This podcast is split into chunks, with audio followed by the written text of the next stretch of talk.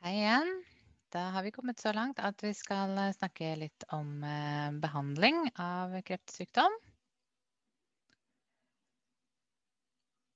Og uavhengig av om vi snakker om um, kurativ eller palliativ behandlingsintensjon for kreftpasienter, så er det flere ulike behandlingsalternativer eller flere ulike behandlingsmodaliteter eh, som kan være aktuelle. Og de vanligste er um, kirurgi, og så er det um, det som vi kaller for kjemoterapi, cytostatika eller cellegift. Så er det strålebehandling, hormonbehandling, immunterapi og målrettet behandling, som er hovedgruppene av behandlingsalternativ. Først skal jeg si litt om um, kirurgi, som da er en lokal um, behandling. I de fleste tilfeller regional i noen um, tilfeller. Og det er den viktigste behandlingsmodaliteten i kurativ kreftbehandling. Omtrent 80% av alle kreftpasienter får kirurgi enten som eneste behandling eller i kombinasjon med annen behandling. Og den benyttes da primært ved kurativ behandling, men kan også mm, være aktuell i noen tilfeller palliativt. Og svulster som man i utgangspunktet kunne tenke seg å operere ut, men som ikke kan opereres pga. innvekst i andre organer.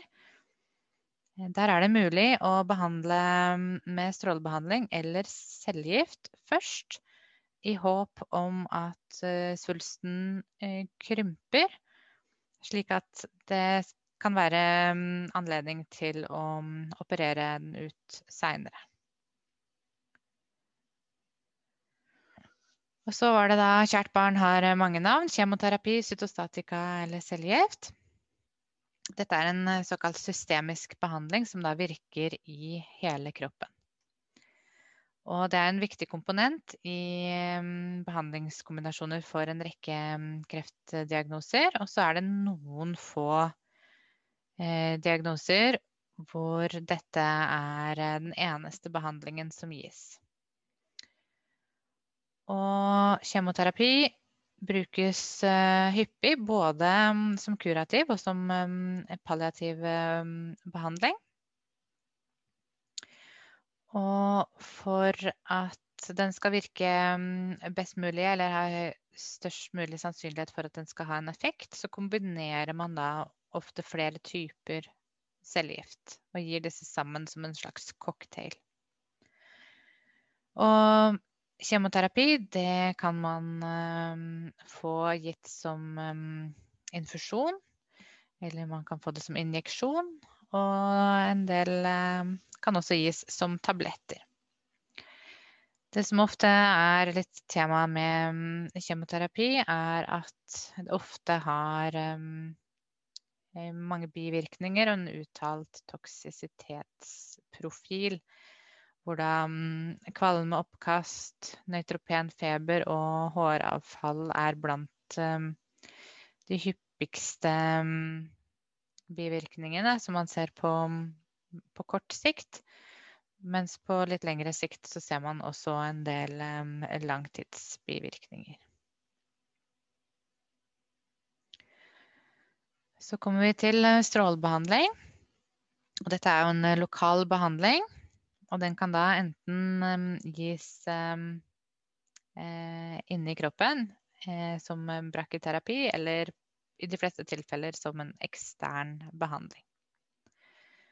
Og strålebehandling gis um, ofte i kombinasjon med andre, andre behandlingsmodaliteter. Og den brukes omtrent like hyppig i kurativ og palliativ setting. Så omtrent halvparten av um, behandlingene som gis, er, gis i kurativ og, og palliativ setting. Så har vi hormonbehandling, som er også en systemisk eh, behandling. Og den gis som regel i kombinasjon med annen type behandling. Og grunnen til at man gir hormonbehandling, er fordi at noen eh, typer svulster trigger eh, celledelingen av um, hormoner.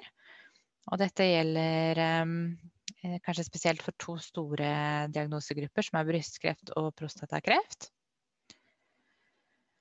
Og eh, grunnen til at dette er en effektiv eh, behandling der hvor eh, svulsten er hormonfølsom, er at ved å hindre hormonproduksjonen, så kan man om ikke stanse, så i hvert fall redusere hastigheten på celledelingen i svulstene. Og hormonbehandling um, administreres um, enten som tabletter eller som injeksjoner. Og bivirkningsprofilen er alt fra veldig moderat til relativt alvorlig med nedsatt seksualdrift, tidlig overgangsalder og benskjørhet som vanlige bivirkninger. Når det kommer til immunterapi, så er eh, dette også en systemisk behandling. Og fra å være en veldig eksotisk del av kreftbehandlingen, eh, så har den da eh, gått til å bli benytta ved stadig flere kreftdiagnoser. Og prinsippet er at immunterapien reaktiverer Eh, kroppens eget immunsystem, som da ikke, eh, ikke klarer å, å, mobilisere i forhold til å, å bryte ned eh, fremmede elementer som kreft egentlig er da, i kroppen.